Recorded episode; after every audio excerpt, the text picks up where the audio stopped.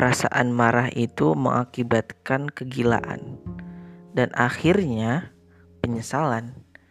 Awalul ghadabi junudun wa akhiruhu nadamun. Makanya jangan sampai memutuskan perkara yang penting dalam keadaan marah. Akhirnya bisa menyesal dan tidak bisa mengembalikan keputusan penting itu pada waktu sebelumnya.